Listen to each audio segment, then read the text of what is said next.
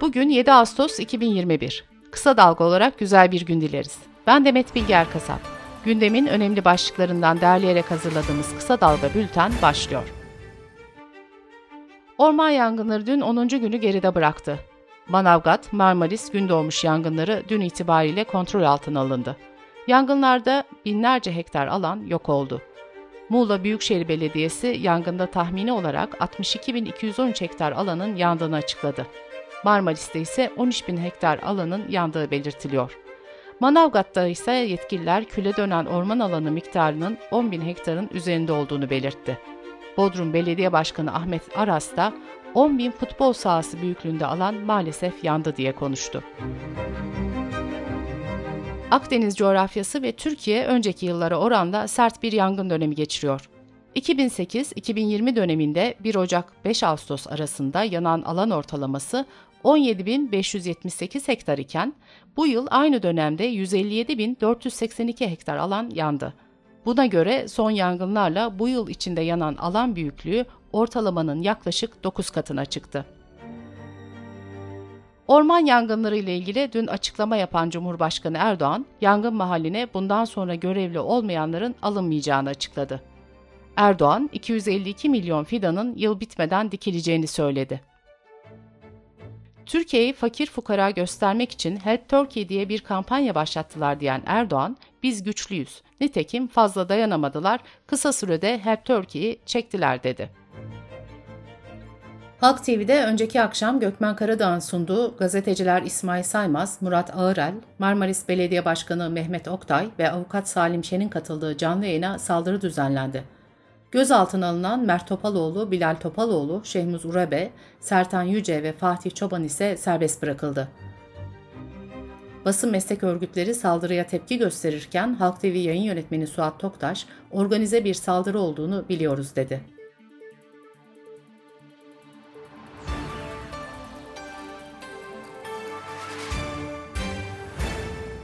Pandemi döneminde eğitimdeki belirsizlik nedeniyle sert eleştirilerin hedefi haline gelen ve bir süredir istifa edeceği konuşulan Bakan Ziya Selçuk görevinden ayrıldı. Yerine yardımcısı Mahmut Özer atandı.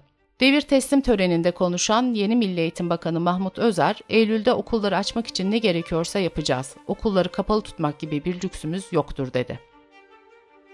CHP Genel Başkanı Kemal Kılıçdaroğlu, SSK Genel Müdürlüğü dönemine ilişkin Batı Çalışma Grubu tarafından yapıldığı iddia edilen fişlemelerin Başbakanlık arşivinde tutulması ve bunların kapatılan Bugün gazetesine sızdırılmasına ilişkin yürüttüğü hukuk mücadelesini 13 yıl sonra kazandı. Danıştay, Cumhurbaşkanlığının Kılıçdaroğlu'na tazminat ödemesi gerektiğini hükmetti. Cumhurbaşkanlığının yaptığı karar düzeltme talebi de reddedildi. Türkiye'de 2001 yılının ilk 6 aylık diliminde 172.074 trafik kazası meydana geldi. Ajans Press tarafından yapılan açıklamaya göre ülke genelinde yaşanan trafik kazalarında 945 kişi olay yerinde yaşamını yitirirken 104.567 kişi ise yaralandı. Tokyo Olimpiyatlarında yarışan milli güreşçi Taha Akgül 125 kiloda serbest stilde bronz madalya kazandı. Karateci Ali Sofuoğlu da bronz madalyanın sahibi oldu. Bültenimize COVID-19 haberleriyle devam ediyoruz. Sağlık Bakanı Fahrettin Koca'nın verdiği bilgilere göre bugüne kadar 75 milyon doz aşı yapıldı. Koca, çift doz aşısını yaptıranların sayısının yeterli olmadığını belirtirken, ilk dozu erteleyen kişi sayısının da 20 milyon 570 bin olduğunu açıkladı. Risk haritasında en çok vaka görülen iller arasında 9. sırada yer alan Rize'de ilave COVID-19 servisleri açılmaya başlandı. Günde 2000 vaka görülen Diyarbakır'da da durumun iç açıcı olmadığını söyleyen Türk Tabipleri Birliği Merkez Konseyi üyesi Halis Yerlikaya, COVID-19 hizmeti veren hastanelerin yoğun bakım ünitelerinin dolduğunu söyledi. Ankara Eğitim ve Araştırma Hastanesi COVID-19 yoğun bakım ünitesi sorumlusu Profesör Doktor Ayşe Özcan, yoğun bakıma yatan genç hastaların %100'ünün aşısız olduğunu belirtti. Birlik Sağlık Sen Genel Başkanı Ahmet Doğruyol, vaka artışına baktığımızda kötü ve hızlı bir şekilde ilerliyoruz. Önümüzdeki süreçte bir kapanma gelebilir gibi görünüyor dedi. ABD merkezli haber kuruluşu CNN, aşı olmadan ofise gelen 3 çalışanını şirket politikalarını ihlal ettikleri gerekçesiyle işten çıkardı. Fransa Anayasa Konseyi Covid aşılarının fiilen zorunlu hale getirilmesini öngören yasaya onay verdi. Sırada ekonomi haberleri var. Merkez Bankası anketine göre yıl sonu tüketici enflasyonu beklentisi %15.64'ten %16.30'a çıktı. Dolar tahmini 8.94 olurken önceki ankette bu oran 8.99'du. Hazine ve Maliye Bakanlığı orman yangınından etkilenen bölgelerde mücbir sebep hali ilan etti. Buna göre mükelleflerin vergi ödemeleri ertelendi. İstanbul'da 19 litrelik damacana suya son 1,5 ayda 5 kez zam geldi. Üst üste gelen zamlar tüketicilerin tepkisini çekti. Bayiler ise geçen yıl tanesini 18 liraya aldıkları damacanaları artık 52 liraya aldıklarını belirterek bu artışın su fiyatlarına yansıdığını söyledi. Alman Bilişim Kuruluşu Bitkom'un anketine göre 2020-2021 yıllarında Almanya'daki her 10 şirketten 9'u siber saldırıdan mağdur oldu. Bu saldırılar sonucu yıllık toplam zararın 223 milyar euro olduğu tahmin ediliyor.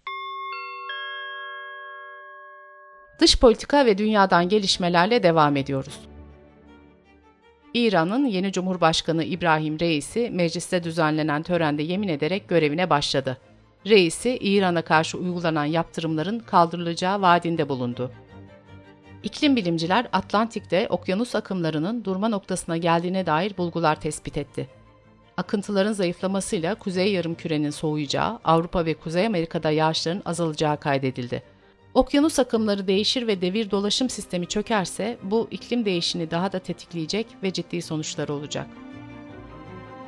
ABD Başkanı Joe Biden, 2030'a kadar ülkede satılan otomobillerin %50'sinin sıfır karbon emisyonlu olmasını öngören kararnameyi imzaladı. Yunanistan'ın başkenti Atina'nın kuzeyinde meydana gelen orman yangınları kontrolden çıktı. Alevlerin yayılmasıyla beraber Attika bölgesinde binlerce kişi tahliye edildi. En az 12 kişi yaralandı. Atina Başsavcılığı ön soruşturma başlattı. Bültenimizi kısa dalgadan bir öneriyle bitiriyoruz. Genç Bilim'in bu bölümünde Doktor Emre Eren Korkmaz'ın konuğu Hitit Üniversitesi'nden Doktor Kudret Sezgin, arkeoloji ile pozitif bilimlerin ilişkisini anlatıyor. Kısa Dalga.net adresimizden ve podcast platformlarından dinleyebilirsiniz. Gözünüz kulağınız bizde olsun. Kısa Dalga Medya.